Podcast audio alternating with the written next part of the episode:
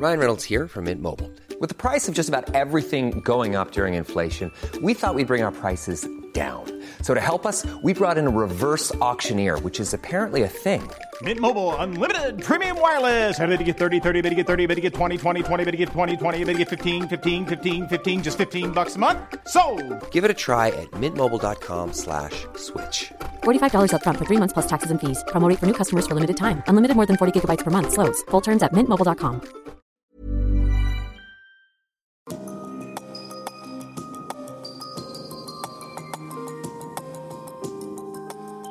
Du lytter til podkast fra Oslo Militære Samfunn. Besøk vår hjemmeside oslomildsamfunn.no, og se oss også på Facebook, Twitter og LinkedIn. Generaler, admiraler, kjære medlemmer, kjære gjester. Varmt velkommen i kulden til det andre møtet i vårsemesteret i Oslo Militære Samfunn. Tidligere NRK-journalist, nå forfatter og bedriftsrådgiver, Per Arne Totland, er eh, aftenens foredragsholder. Han har skrevet en dokumentarbok som heter 'Kaldfront'. og Den har jeg sett omtalt av kyndige mennesker som et standardverk om eh, Svalbards politiske historie allerede. Vi eh, skal snakke om en region som eh, ikke kommer til å få mindre eh, oppmerksomhet i media i årene fremover. Per Arne har kalt foredraget sitt for 'Konfliktområdet Svalbard gjennom 100 år'. Per Arne, talerstolen er din. Tusen takk for det, formann, og takk for at jeg fikk lov å komme. Jeg skal, før jeg begynner, si kort om min bakgrunn for å stå her og snakke om Svalbard og Svalbardpolitikk. Eh, Jeg har hatt et kjærlighetsforhold til Svalbard i, mange år. Og så har jeg vært så heldig at jeg har kunnet følge Svalbardpolitikk gjennom, gjennom noen år. Og også hatt anledning som rådgiver til å bistå en del virksomheter på, på Svalbard. Og det har til slutt resultert i, i at jeg har skrevet et par bøker om Svalbard. En spenningsroman, som det heter, om eh, med, bakteppet bakteppe i Svalbardtraktaten. Og da denne boken som eh, Bjørn Aksel refererte til, som er da en dokumentarbok om eh, Svalbards politiske historie og norsk Svalbardpolitikk. Da stopper vi reklamen der, så er det opp til dere å, løpe i bokhandelen og kjøpe disse bøkene. selvfølgelig. La oss begynne på toppen av jordkloden. Svalbards strategiske betydning er større i dag enn noen gang gjennom de 100 årene hvor Svalbard har vært en del av kongeriket Norge. Denne forsamlingen kjenner selvfølgelig eh, til eh, de militærpolitiske aspektene ved Svalbard. At Svalbard inngår i eh, russisk forsvarsplanlegging, at Svalbard inngår i det russiske bastionforsvaret, det er det vel ingen som helst tvil om. Men de strategiske dimensjonene ved Svalbard er blitt mye større de seneste årene. Og det er issmeltingen som skaper disse nye dimensjonene ved, ved Svalbard. Hvis man trekker en sirkel rundt toppen av jordkloden, sånn som jeg har gjort her, sånn omtrent ved 75 grader nord, det er omtrent der hvor Bjørnøya er, på 74 grader og et eller annet, så har vi dekket nesten 3% av jordas overflate. Og Innenfor denne sirkelen så skjer det mye, og det vil skje veldig mye. En ting er at Når isen smelter om mange mange år, la oss håpe det er mange år til, så vil eh, det være mulig å seile skip tvers over Polhavet mellom Asia og Europa. Slik at eh, det åpner seg helt nye skipsfartsruter. Men i det kortere perspektivet så er det slik at innenfor denne røde sirkelen så ligger en vesentlig del av verdens uoppdagede olje- og gassressurser. Eh, American Geological Survey anslår at vel en fjerdedel av verdens uoppdagede olje- og gassressurser ligger innenfor denne sirkelen. Det blir varmere i havet. Matfatet i nord blir mer og mer innholdsrik. Fiskearter trekker nordover, bestandene blir større. Og også fra et matforsyningsperspektiv så blir dette området stadig mer strategisk eh, interessant. Det er fem kyststater som har kystlinje og hav inntil dette området. Eh, Like fullt så er det en hel verden som ser mot Svalbard. Eh, og det er én åpen og gratis dør inn for en hel verden til dette ressursrike området i nord, og det er Svalbard gjennom Svalbardtraktaten. De nasjoner som har undertegnet Svalbardtraktaten, har adgang til Svalbard og kan bruke Svalbard som ståsted for det de har ønske om å gjøre i Arktis. Og et av de siste landene som, som har signert Svalbardtraktaten nettopp for å komme inn i Arktis via Svalbard, er Nord-Korea. Polarnasjonen Nord-Korea. Og så er det ett sted innenfor denne sirkelen. Nå har jeg beskrevet dette området for dere, hvor, hvor, strategisk viktig det er. Det er kun ett sted innenfor denne sirkelen hvor det er en kommersiell havn, hvor det er en kommersiell flyplass, hvor det er et sykehus, hvor det er en fungerende redningstjeneste, hvor det er bredbåndsforbindelse til resten av verden. Det er Svalbard. Slik at Svalbard på mange måter er sentrum i dette nye Arktis. Og i det så ligger Svalbards nye strategiske betydning. Så jeg komme tilbake til at det er ulike oppfatninger av Svalbardtraktaten og hvordan den skal tolkes, og i hvilken grad Norge skal dele sine ressurser der med andre land. Det er eh, potensielle konfliktområder hvor vi står alene mot resten av verden. Slik at Svalbardpolitikk kommer til å bli enda mer krevende i årene som kommer, men det kommer vi tilbake til. La oss begynne med begynnelsen. Ehm, det måtte en krig til før Svalbard kunne bli norsk. Og det var en krig som Norge ikke var part i. Før første verdenskrig så var det mange land som ønsket seg Svalbard. Norge var et av dem. Russland var et annet. Men man ble ikke enige, og man var enige om å være uenige og la Svalbard forbli det som het terra nullius, altså et ingenmannsland. Men så kommer da første verdenskrig og endrer eh, den situasjonen. For Norge, selv om vi ikke var delaktige i krigen, så uh, seilte vår handelsflåte for vestmaktene. Vi mistet over 2000 sjøfolk på havet under første verdenskrig som følge av den tyske ubåtkrigen. Etter den, eh, at krigen da var over, så oppsto en betydelig velvilje mot Norge uh, blant seiersmaktene. Og så var det én mann som så utnyttet dette, og det var Fritz Wedel Jarlsberg. Han var litt av en karakter. dere. Han var norsk minister, altså ambassadør heter det i dag, i Paris. Styrtrik, levemann. Han opererte hva, vi, hva, skal vi si, på begge sider av den seksuelle midtlinjen. Uh, dette var 100 år før metoo, så han, uh, han, opererte ganske fritt. Og, og ting, ting, ble holdt, uh, holdt, i skjul. Men han var, en, han var en godt kjent person i det parisiske natteliv. Men like, like, fullt er Norges sannsynligvis mest sentrale diplomat på begynnelsen av 1900-tallet. Eh, og det var han som så muligheten eh, som Svalbard bød på, som fikk regjeringen hjemme i Kristiania med på å fremme et krav for den fredskonferansen som skulle da komme i, Paris, eh, om at Norge burde få Svalbard. Regjeringen gikk med på dette. Fritz Welle Jarlsberg var en ekspansiv herre, så han la litt til. han. Så På Norges vegne så krevde han også en koloni i Afrika og Murmanskysten i Russland. Da ble det litt haraball hjemme i regjeringskontorene i Kristiania, så det, det kravet ble trukket. Eh, men eh, Svalbard ble norsk. Og 9.2.1920 så ble da Svalbardtraktaten eh, signert i klokkesalen Salon d'Horloge i det franske utenriksdepartementet. Svalbard var blitt norsk, og nasjonens landareal økte med, med 20 og dette var da en gave fra seiersmaktene til Norge. Andre interessenter, Tyskland f.eks., de var jo knust på slagmarken og var definitivt ikke invitert til Paris.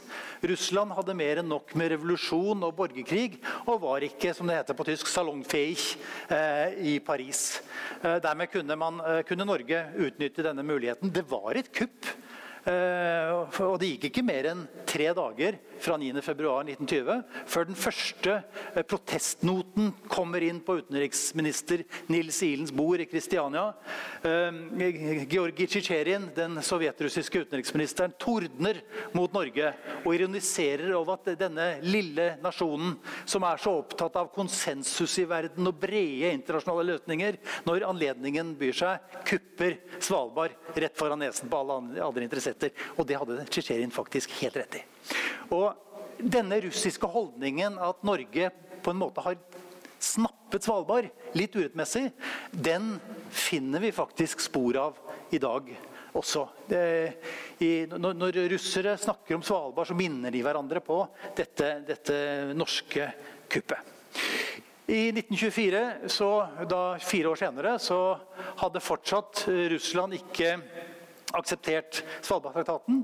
Eh, og For Norge så var det litt kinkig. Vi kunne liksom ikke komme videre før denne store naboen øst hadde akseptert Svalbardtraktaten. Så det man gjorde i 1924, var rett og slett å inngå en hestehandel hvor Russland, eh, aksepter, Sovjet-Russland aksepterte Svalbardtraktaten, at Svalbard var norsk, i bytte for at Svalbard som tredje land i verden anerkjente kommunistregimet i Moskva.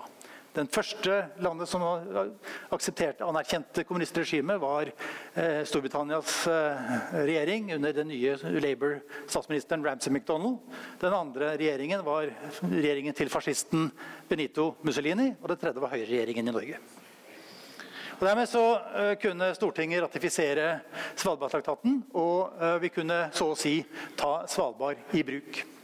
Hva er det så denne traktaten handler om? Det er, det er en unik traktat på mange måter. Den, øh, det, er første, det, er den eneste traktaten som ble inngått etter første verdenskrig som fortsatt er i kraft. Og det er den eneste traktaten hvor land, et, en nasjon har fått suverenitet over et landområde uten å gå til militær invasjon eller, eller anneksjon. Eh, og det er også den eneste traktaten hvor et land er gitt suverenitet over et landområde, men med begrensninger hvor man er pålagt å likebehandle eh, alle signatarlandene. Svalbardtraktaten slår fast at for det første at Svalbard er en del av Norge. Eh, den norske suvereniteten er, har i grunnen aldri blitt bestridt og er ikke bestridt. Den ligger fast. Men det er tolkningen av de andre bestemmelsene som, og, og, rekkevidden av eh, traktaten som er konfliktmaterialet. Traktaten slår fast at borgere, og også selskaper da, som en følge av det, av eh, land som har signert traktaten, skal likebehandles på Svalbard. Så et selskap fra Nord-Korea i dag har like rett til å drive næringsvirksomhet på Svalbard som et norsk selskap har. Der har det ligget mange konflikter gjennom årene, hvor særlig eh, Sovjetunionen som, og nå Russland, som er jo den andre store nasjonen på Svalbard, mener at Norge tråkker over likebehandlingens bestemmelsen og diskriminerer eh, i dette tilfellet da russiske selskaper. Tredje bestemmelsen i Svalbardtraktaten er uh, at det ikke skal inndrives mer skatt på Svalbard enn det som skal til for så å si å drive Svalbard. Uh, og Det betyr jo at det er mye lavere skatt uh, på Svalbard enn på fastlandet. Og Det betyr jo også at for, for, alle eh, selskaper fra traktatland så er det økonomisk interessant å drive på Svalbard, fordi det er et lavere skattenivå enn tilsvarende virksomhet ofte i, i hjemlandet. Så er det den fjerde bestemmelsen i Svalbardtraktaten som har ført til mye eh, debatt og mange konflikter gjennom årene. Det er militærbestemmelsen. Eh, det traktaten sier, er at festningsverk ikke er tillatt. Eh, det har gjennom mange år tidligere vært tolket som at enhver militær virksomhet er forbudt. Nå tolker vi det litt annerledes enn vi gjorde tidligere. Jeg skal komme litt tilbake til det. Men også der har det vært konflikt. Og så var de forutseende i 1920. De ga Norge et særlig ansvar for miljøforvaltningen på Svalbard. De var tidlig ute med å se behovet for, eh, for god miljøforvaltning. De første par tiårene etter Svalbardtraktaten så, så, handlet det om kull, som jo var datidens viktigste ressurs. Den militærstrategiske betydningen av Svalbard ble man klar over først under, under den annen verdenskrig. Eh, Russland kom etter å ha akseptert Svalbardtraktaten veldig sterkt. Etablerte på begynnelsen av 30-tallet tre samfunn på, på Svalbard. Og disse samfunnene var helt fram til 1970-tallet eh, eh, helt selvstyrte uten norsk innblanding. Så på den bakgrunnen kan man jo forstå at også Russland fører, føler et eierskap til Svalbard. Man har faktisk gjennom et par generasjoner kunnet gjøre som man ville uten norsk innblanding i eh, de, i de russiske bosettingene på, på Svalbard. De nådde ikke aldri produksjonsmålene sine, disse russerne, på, på 30-tallet. Og forklaringen på det var alltid at det var vestlig sabotasje.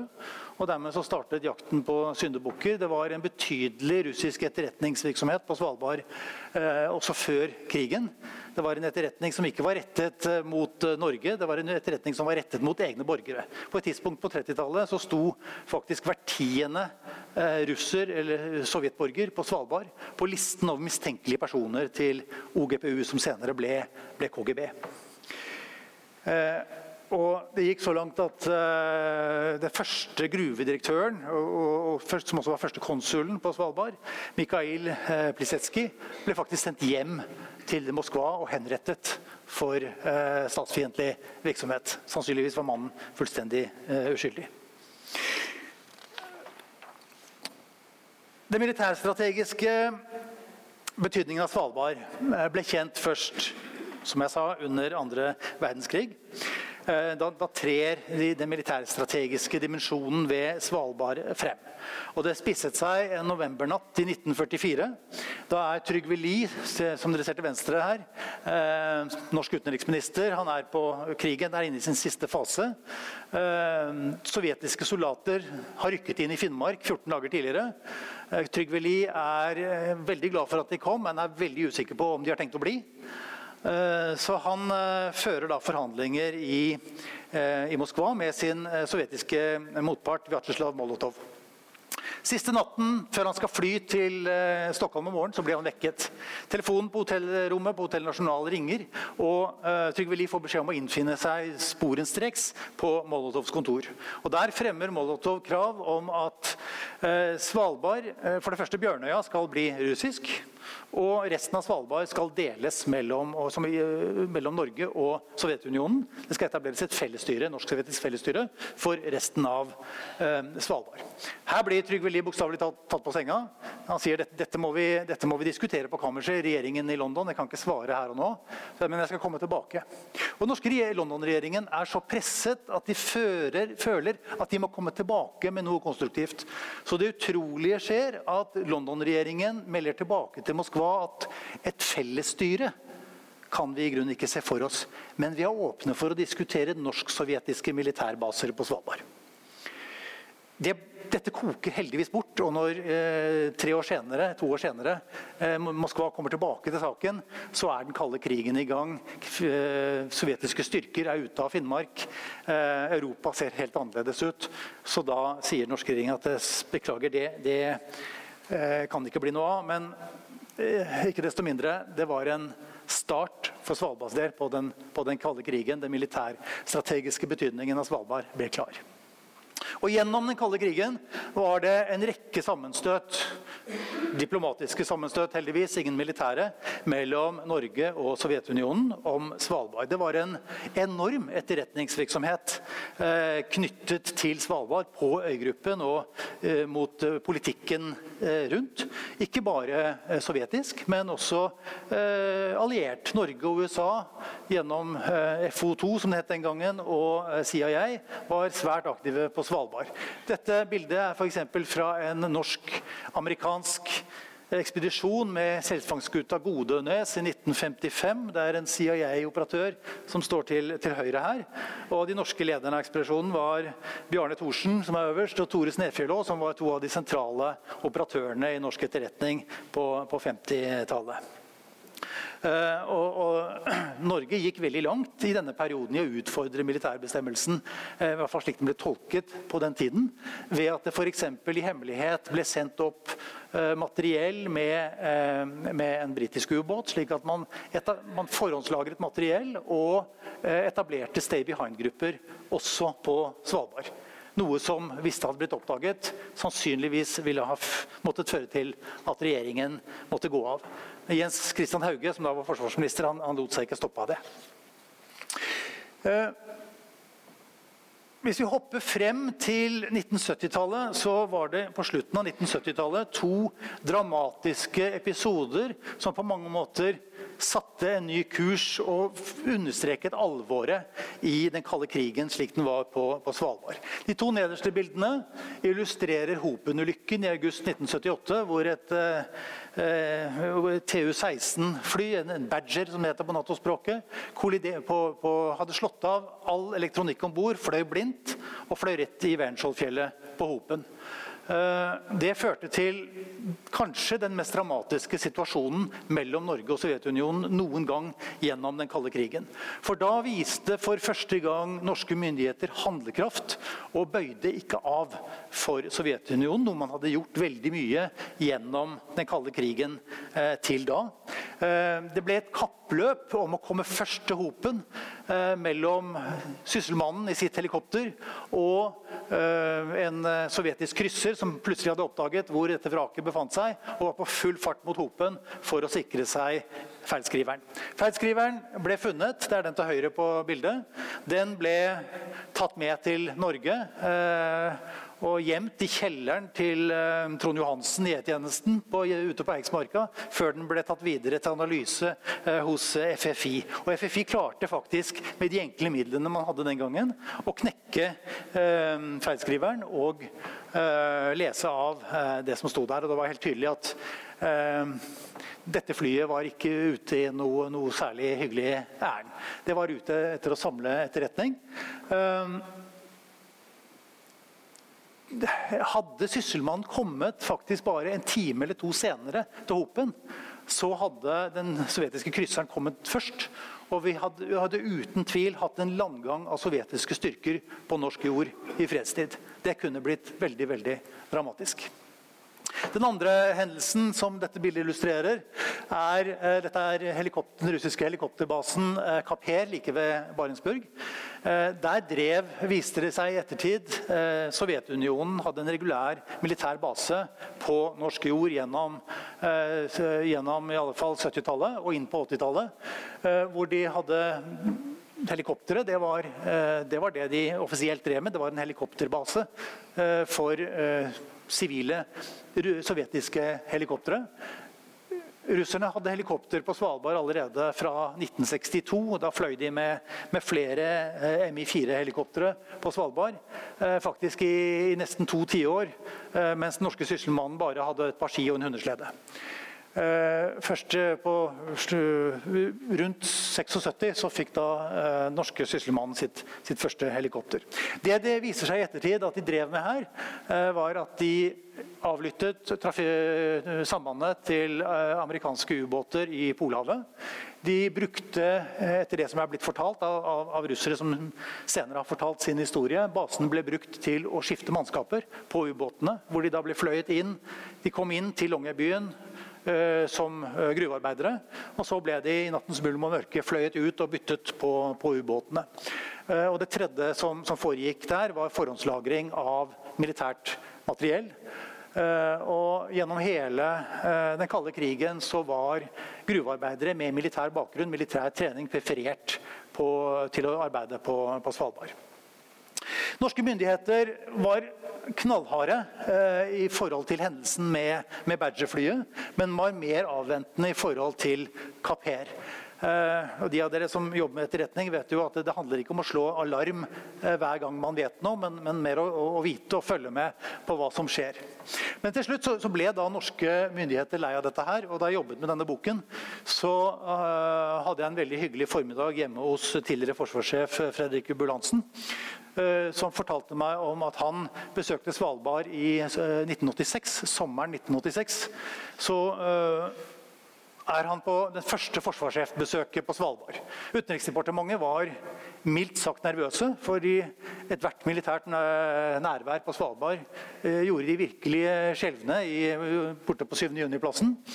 Men Bull-Hansen var stålklar. Som han sa til UD Svalbard er norsk. Jeg er Norges forsvarssjef. Jeg reiser hvor jeg vil. Og det gjorde han. Han dro til Svalbard, hadde et offisielt program i Longyearbyen. Men det ingen visste, og som uh, Bull-Hansen da fortalte meg at han faktisk da dro ut der, han. Så Bull-Hansen uh, går der i den gule bygningen, banker på. Og ut kommer kommandørkaptein eh, Vitali Kallamann, som er da basesjef og eh, offiser i Nordflåtens etterretningstjeneste. Han skvetter selvfølgelig litt, for det står en norsk offiser utenfor med, med generalsdistinksjoner. Og Bulansen presenterer seg og spør om han kan få lov å komme inn. og selvfølgelig får han det. Og De har en veldig hyggelig prat, og, og det serveres både det ene og det andre. Og når Bull-Hansen da skal gå, så sier han ja, det det er forresten én ting. Vi vet jo hva dere driver med her. Nå syns vi dere har holdt på lenge nok. Tusen takk for meg. Så, og, og, så gikk det da eh, faktisk ikke så lang tid før det hele opphørte. Og jeg tror ikke det skyldes Bull-Hansen, men det skyldes snarere herren til høyre der. Eh, Mikhail Gorbatsjov, som overtok makten i Kreml året før Bull-Hansen var på Svalbard. Og Gorbatsjov kom inn på, på, toppen av det som var eh, den intense etterretningsvirksomheten på eh, Svalbard. Eh, Jurij Andropov hadde da eh, vært eh, generalsekretær i det kommunistiske Arbeiderpartiet, nei, kommunistpartiet i, i, i, Moskva, eh, i Sovjetunionen. Jurij Andropov var jo mangeårig sjef for KGB. Og dokumenter som har kommet, kommet til, til, syne i ettertid, ettertid viser at på slutten av 70-tallet, begynnelsen av 80-tallet, så var Svalbard helt, helt, helt oppe på toppen av KGBs eh, prioriteringsliste for hva man skulle følge med på i utlandet. Man var veldig redd for hva eh, amerikanerne kunne finne på i hemmelighet med utgangspunkt i Svalbard. Derfor bygget de også opp denne festningslignende bygningen i Barentsburg. Det er generalkonsulatet i Barentsburg, som huset et ganske stort antall etterret russiske etterretningsoffiserer etter at det ble bygget i, i 1983. I 1983 så oppgraderte Det sier noe om hvor viktig dette var for Sovjetunionen. I 1983 oppgraderte man eh, KGB-tilstedeværelsen i Barentsburg til et såkalt residentur. Altså, det er KGBs avdeling i, knyttet til ambassadene i ulike lands hovedsteder. Det er et residentur. Og det eneste kjente residenturet utenom en hovedstad var i Barentsburg på Svalbard. Og den første KGB-residenten eh, på, i, i, i Barentsburg var en uh, ung, lovende KGB-offiser som het Jevgenij Serebrakov. Han uh, var resident der i 1983. 15 år senere, i 1998, så var han KGB-resident i Oslo. Til han ble avslørt uh, idet han tok imot utkastet til en ny Svalbardmelding i Stensparken i Oslo og utvist fra landet. Gorbatsjov snudde eh, den kalde krigen. Eh, ting roet seg også på Svalbard.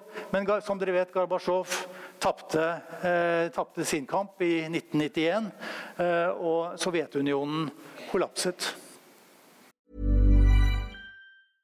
Hey, I'm Ryan Reynolds. At Mint Mobile, we like to do the opposite of what Big Wireless does. They charge you a lot. We charge you a little. So naturally, when they announced they'd be raising their prices due to inflation, we decided to deflate our prices due to not hating you. That's right. We're cutting the price of Mint Unlimited from $30 a month to just $15 a month. Give it a try at mintmobile.com slash switch. $45 up front for three months plus taxes and fees. Promo for new customers for limited time. Unlimited more than 40 gigabytes per month. Slows. Full terms at mintmobile.com.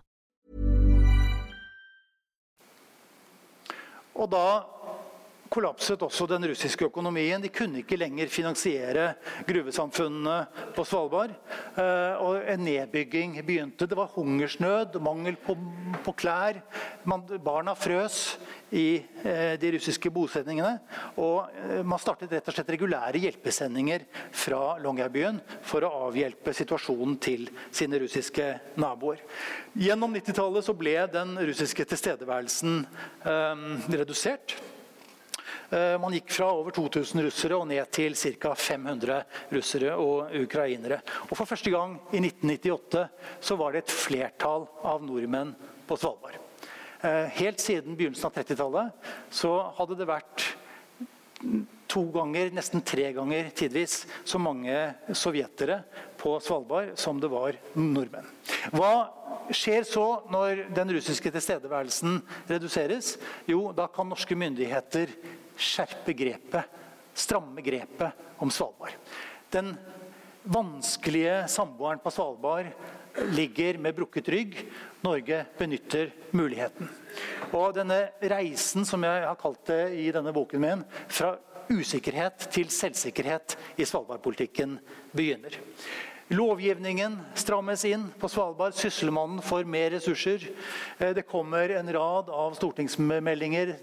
Siden 1975 er det kommet fem stortingsmeldinger om vår Svalbard-politikk. Kystvakten, som ble etablert i 1977, eh, blir, mer, blir hardere eh, i klypa. Og i en tiårsperiode så, så bygger vi opp den, både myndighetssiden, lovgivningen, det norske grepet om Svalbard ganske betydelig. Og vi begynner også å endre vår tolkning av Svalbardtraktaten, særlig på to områder. Eh, det er likebehandlingsprinsippet, for det første. Hvor det har vært tolket gjennom historien ganske liberalt. At likebehandlingsprinsippet gjelder alt. Alle næringer, all type virksomhet. Nå begynner vi fra stortingsmelding til stortingsmelding å stramme inn tolkningen av hvilke områder er det egentlig likebehandlingsprinsippet skal gjelde for. Den andre eh, bestemmelsen som vi strammer inn i å endre tolkningen av, er eh, militærbestemmelsen i Svalbardtraktaten. Fra å eh, ikke tolerere så mye som et altså Det var uro hver gang et kystvaktskip kom til kai i Longyearbyen, til at i dag er en dagligdags sak at et Hercules-fly lander med lavinehunder i Longyearbyen, eller en fregatt går til kai. I 2000 eh, kommer da Vladimir Putin som ny statssjef i Sovjetunionen.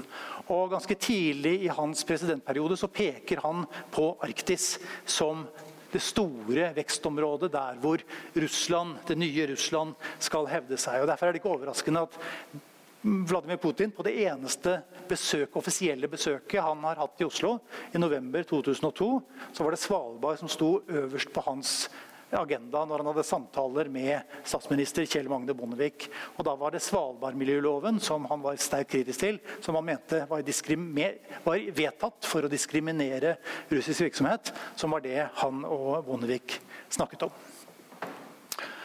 Eh, dette bildet har dere sett før. Eh, for Russland så, så, er Arktis eh, landets kanskje viktigste interesseområde. Både kommersielt og militært.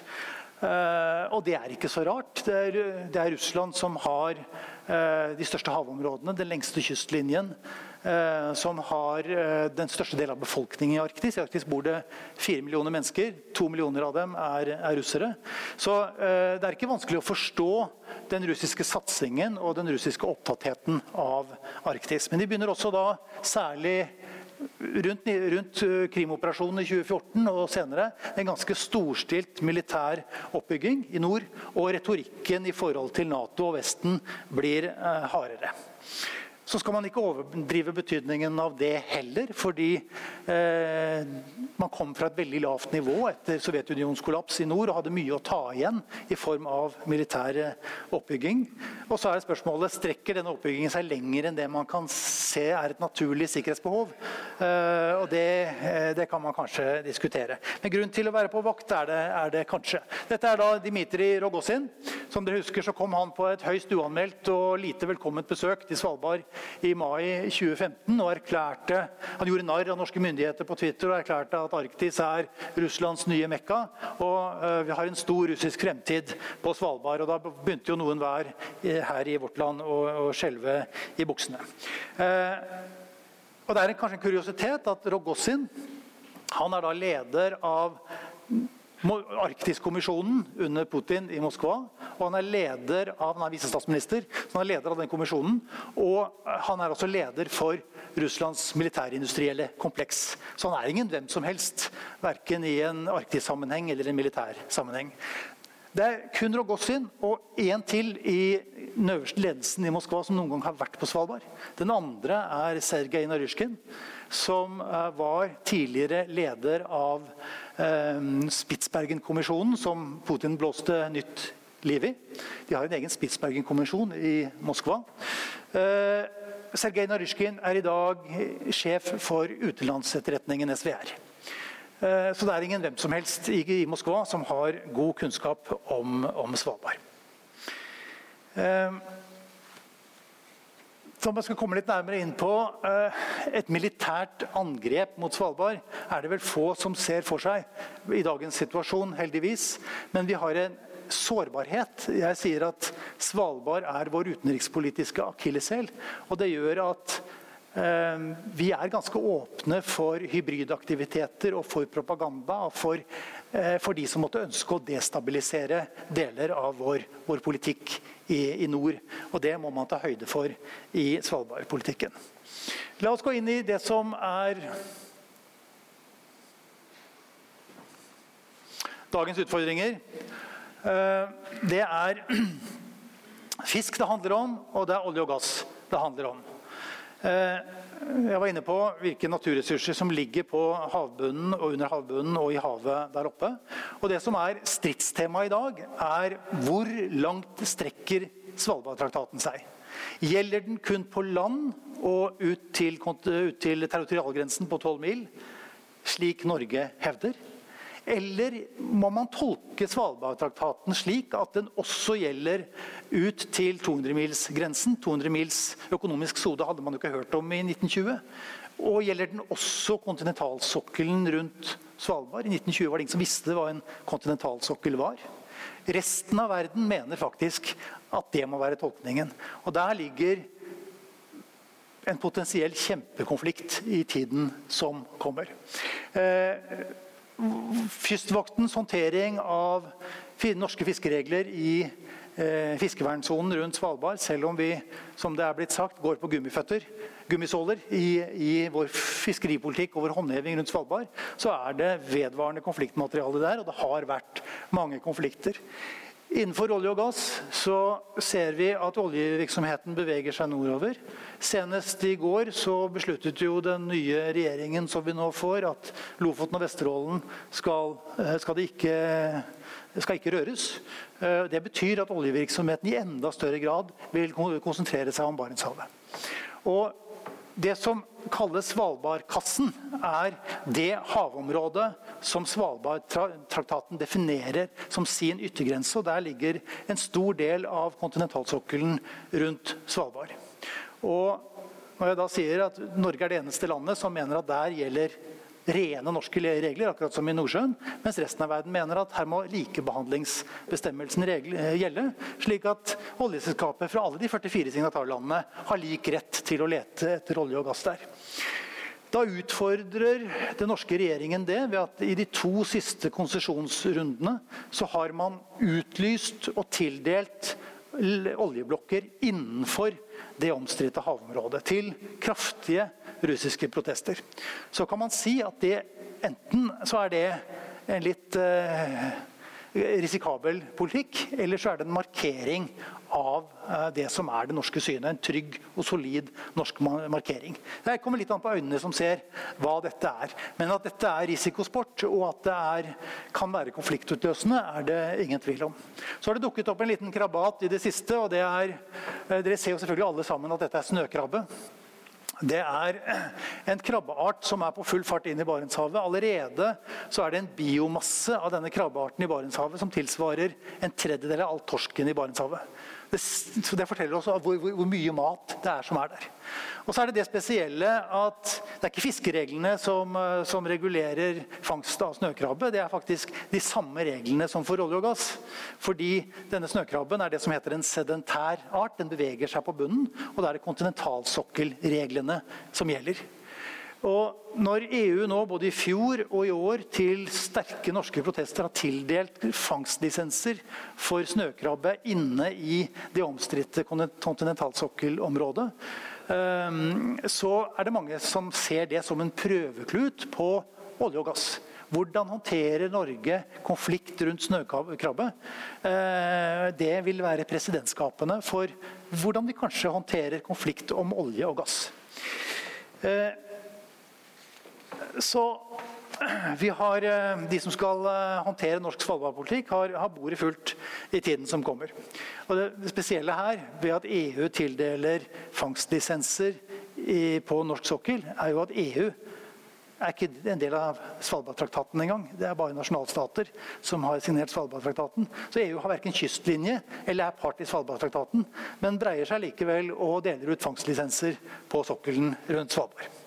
Så det har vært høy temperatur i, i Brussel. Eh, den kjente diplomat Per Sandberg har vært og, og forhandlet i, i Brussel eh, om, eh, om, denne saken og har klart virkelig å hisse på seg EU-parlamentarikere som åpent sier at nå, hvis ikke Norge eh, slipper til eh, EU-fartøyer nå, så er Haagdomstolen eller Den internasjonale havretts, eh, sokkeldomstolen i havrettsdomstolen unnskyld, i Hamburg neste. Så dette spisses til, og jeg vil nok tro at det bare er et tidsspørsmål før noen ser seg tjent med å fremme denne saken, tolkningen av Svalbardtraktaten, for en av de to mulige internasjonale domstolene. Og Da ser dere også at her er rikelig potensial og, og, og, forhold å ta tak i for den stat som måtte ønske å destabilisere Norge, som måtte ønske å legge press på Norge i, i en eller annen retning. Dette er, eh, dette er, jo, De som er opptatt av hybridkrigføring, begynner jo å sikle når de ser disse mulighetene her. Eh, men la oss, la oss se på norsk svalbardpolitikk uh, avslutningsvis. Hva, hva, er det som former, hva er det som utgjør norsk svalbardpolitikk og den norske suverenitetshevdelsen rundt Svalbard? Det begynner med Svalbardtraktaten fra 1920. Eh, traktaten er i seg selv ikke omstridt. Det er ingen som angriper Norges suverenitet over Svalbard. Så UD har i og for seg rett når de sier at Svalbardtraktaten hviler på trygt folkerettslig grunnlag. Det er det de leser opp fra en lapp i UD hver gang en journalist ringer og spør om disse temaene her. Eh, men det er klart at tolkningen av Svalbardtraktaten som jeg har skissert, gjør at selv, traktaten og hvor, det, hvor, hvor den skal favne, er i spill. Den andre bærebjelken i vår suverenitetshevelse er eh, vår Svalbard-politikk og vår myndighetsutøvelse. Og Der har vi som jeg var inne på, vi har strammet til gjennom eh, noen tiår. Vi fører en politikk som er ganske offensiv, ved at vi f.eks. lyser ut oljelisenser i, innenfor det omstridte området. Vi arresterer fiskefartøyer i det omstridte havområdet. Uh, og vi presser hele tiden vår lovgivning i retning av uh, et mindre handlingsrom for andre stater, slik de vil, vil se det. Og den tredje pilaren i vår suverenitetshevdelse på Svalbard er den norske tilstedeværelsen på øygruppen. Eh, folkeretten bringer oss ikke helt i mål. Det er slik i verden at vi kan gjerne ha rett på papiret, men hvis vi ikke har folk på stedet, sørger for at det er norske føtter på bakken, så vil eh, selv folkeretten kunne komme til kort. Eh, og vår tilstedeværelse på Svalbard er dessverre på, på, vikende front. Godt hjulpet av en beslutning i Stortinget rett før jul om å avvikle det aller meste av kulldriften på Svalbard.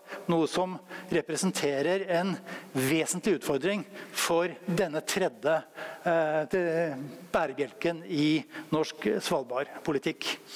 Eh, for å se litt på hva, hva som skjer på Svalbard. Det er over 40 nasjonaliteter der. Eh, mangfold er bra, men representerer også en betydelig utfordring. De siste fem årene så har antallet utenlandske borgere på Svalbard økt med nesten 7% hvert år.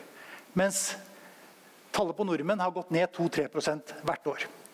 Så når nå øh, kulldriften er i ferd med å bli avviklet, og det går langsomt med utvikling av nye næringer på Svalbard, Eh, så er det vel grunn til å tro at den takten vi har sett de siste fem årene, den vil eh, i alle fall ikke avta. Kanskje vil den akselerere. Men hvis vi fremskriver da denne utviklingen eh, de kommende årene, så vil faktisk nordmenn være i minoritet på norske Svalbard i 2020. Det er første gang siden Sovjetunionens kollaps på 90-tallet. Det vi ser her, er at Eh, det blå er jo da eh, nordmenn i Longyearbyen, eh, norske borgere i Longyearbyen og Ny-Ålesund. Vi ser at det går nedover. Vi ser at utenlandske borgere i Longyearbyen og Ny-Ålesund øker ganske kraftig. Og russiske og ukrainske borgere i Barentsburg har også en, en tydelig, tydelig, økning. Så, og så sier da øh, våre myndigheter at ja, vi, skal, vi, skal, kompensere for kulldriften. For nå er det forskning og utdanning og reiseliv som skal være de nye næringene på Svalbard. Men de representerer ikke det samme norske innslaget, samme norske tyngdepunktet som kulldriften har gjort. Reiseliv er eh, stort sett sesongarbeidskraft. Folk som er der eh, fra, eh, i korte perioder, og som ikke er familier. Det er som regel unge enslige. Eh, og den største reiselivsaktøren, den dominerende reiselivsaktøren på Svalbard, det er Hurtigruten. Eid av et private equity-fond i London. Hurtigruten kan i morgen være eid av en russisk oligark eller en eh, kapitalist i Beijing med, med, forbindelse til kommunistpartiet. Så reiseliv er, gir oss noe, men, men har også sine, sine sider. Eh, forskning og utdanning eh, likeså. Det er en internasjonal virksomhet. Det er unge mennesker som er der en periode. Og hvis du ser på studentmassen ved eh, Universitetssenteret på Svalbard, så er bare en tredjedel av studentene nordmenn. Så sier regjeringen at vi skal også satse på fisk, fiskeindustri på Svalbard. Det er heller ikke noe norsk bidrag. Selv på fastlandet så er over halvparten av de ansatte i norsk fiskeindustri de er utenlandske statsborgere. Og uh, Det er ingen grunn til å tro at det vil være noe annerledes på Svalbard. Og vi, Hvis vi åpner da, endrer lovene slik at vi kan eh, ta inn eh, fiskeindustri, så må vi også ta inn fiskeindustri fra alle mulige andre land. Og I øyeblikket så er det faktisk russiske fiskeriinteresser som ligger først i løypa til å etablere fiskeindustri på Svalbard. Så den norske tilstedeværelsen på Svalbard den er definitivt under press. Og Når jeg da innledet med å si at Svalbards strategiske betydning er større enn noen gang, så blir det samtidig nesten litt skremmende, synes jeg, at vi har eh, såpass lite konkret og en såpass eh, lite foroverlent, for å bruke, bruke det ordet, eh, Svalbard-politikk eh, som, som eh, vi etter min mening har. Svalbard har vært en konfliktarena i 100 år, som jeg har, har vist dere. Og eh, jeg har også prøvd å formidle at de neste årene blir, eh, blir enda mer krevende. Svalbardpolitikk har alltid vært vanskelig. Eh, den krever fasthet og konsekvens, samtidig som den krever klokskap og, og smidighet.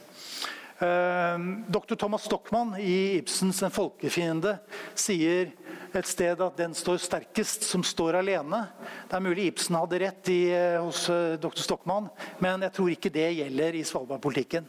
Ikke bare eh, er vi utsatt for et betydelig press, vi, vi står også ganske, ganske alene. Så det krever at vi ikke bare har en god og offensiv Svalbard-politikk som ivaretar de tre hensynene bak vår tilstedeværelse, som jeg var inne på, men det krever jo også at vi har en god beredskap i forhold til et press som kan eskalere og bli, bli noe langt mer. Så vi må ha en oppfatning av, eh, sett med, med, fra, fra et beredskapssynspunkt, hvor viktig er Svalbard egentlig for oss? Og hvor langt er vi villige til, eller hvor langt er det mulig å gå for å forsvare Svalbard, både politisk og militært? Og hvilken beredskap er vi nødt til å ha for å forsvare Svalbard på den måten vi da bestemmer oss for å forsvare Svalbard på. I øyeblikket eh, er det min opplevelse at dette er ganske uavklarte spørsmål. Så eh, Da vil jeg avslutte med et sitat fra en amerikansk general, siden vi er i Oslo Militære Samfunn. Eh, han ble overhørt under en eh, tøutøvelse for noen år siden eh, mellom Sysselmannen og, og Forsvaret. Dette var riktignok midt i den kalde krigen. Men til, halvveis i denne øvelsen så rister den amerikanske generalen på hodet og sier Do we really want to risk the third world war over this miserable little piece of territory? Det spørsmålet er fortsatt eh, der ute. Takk for at dere hørte på.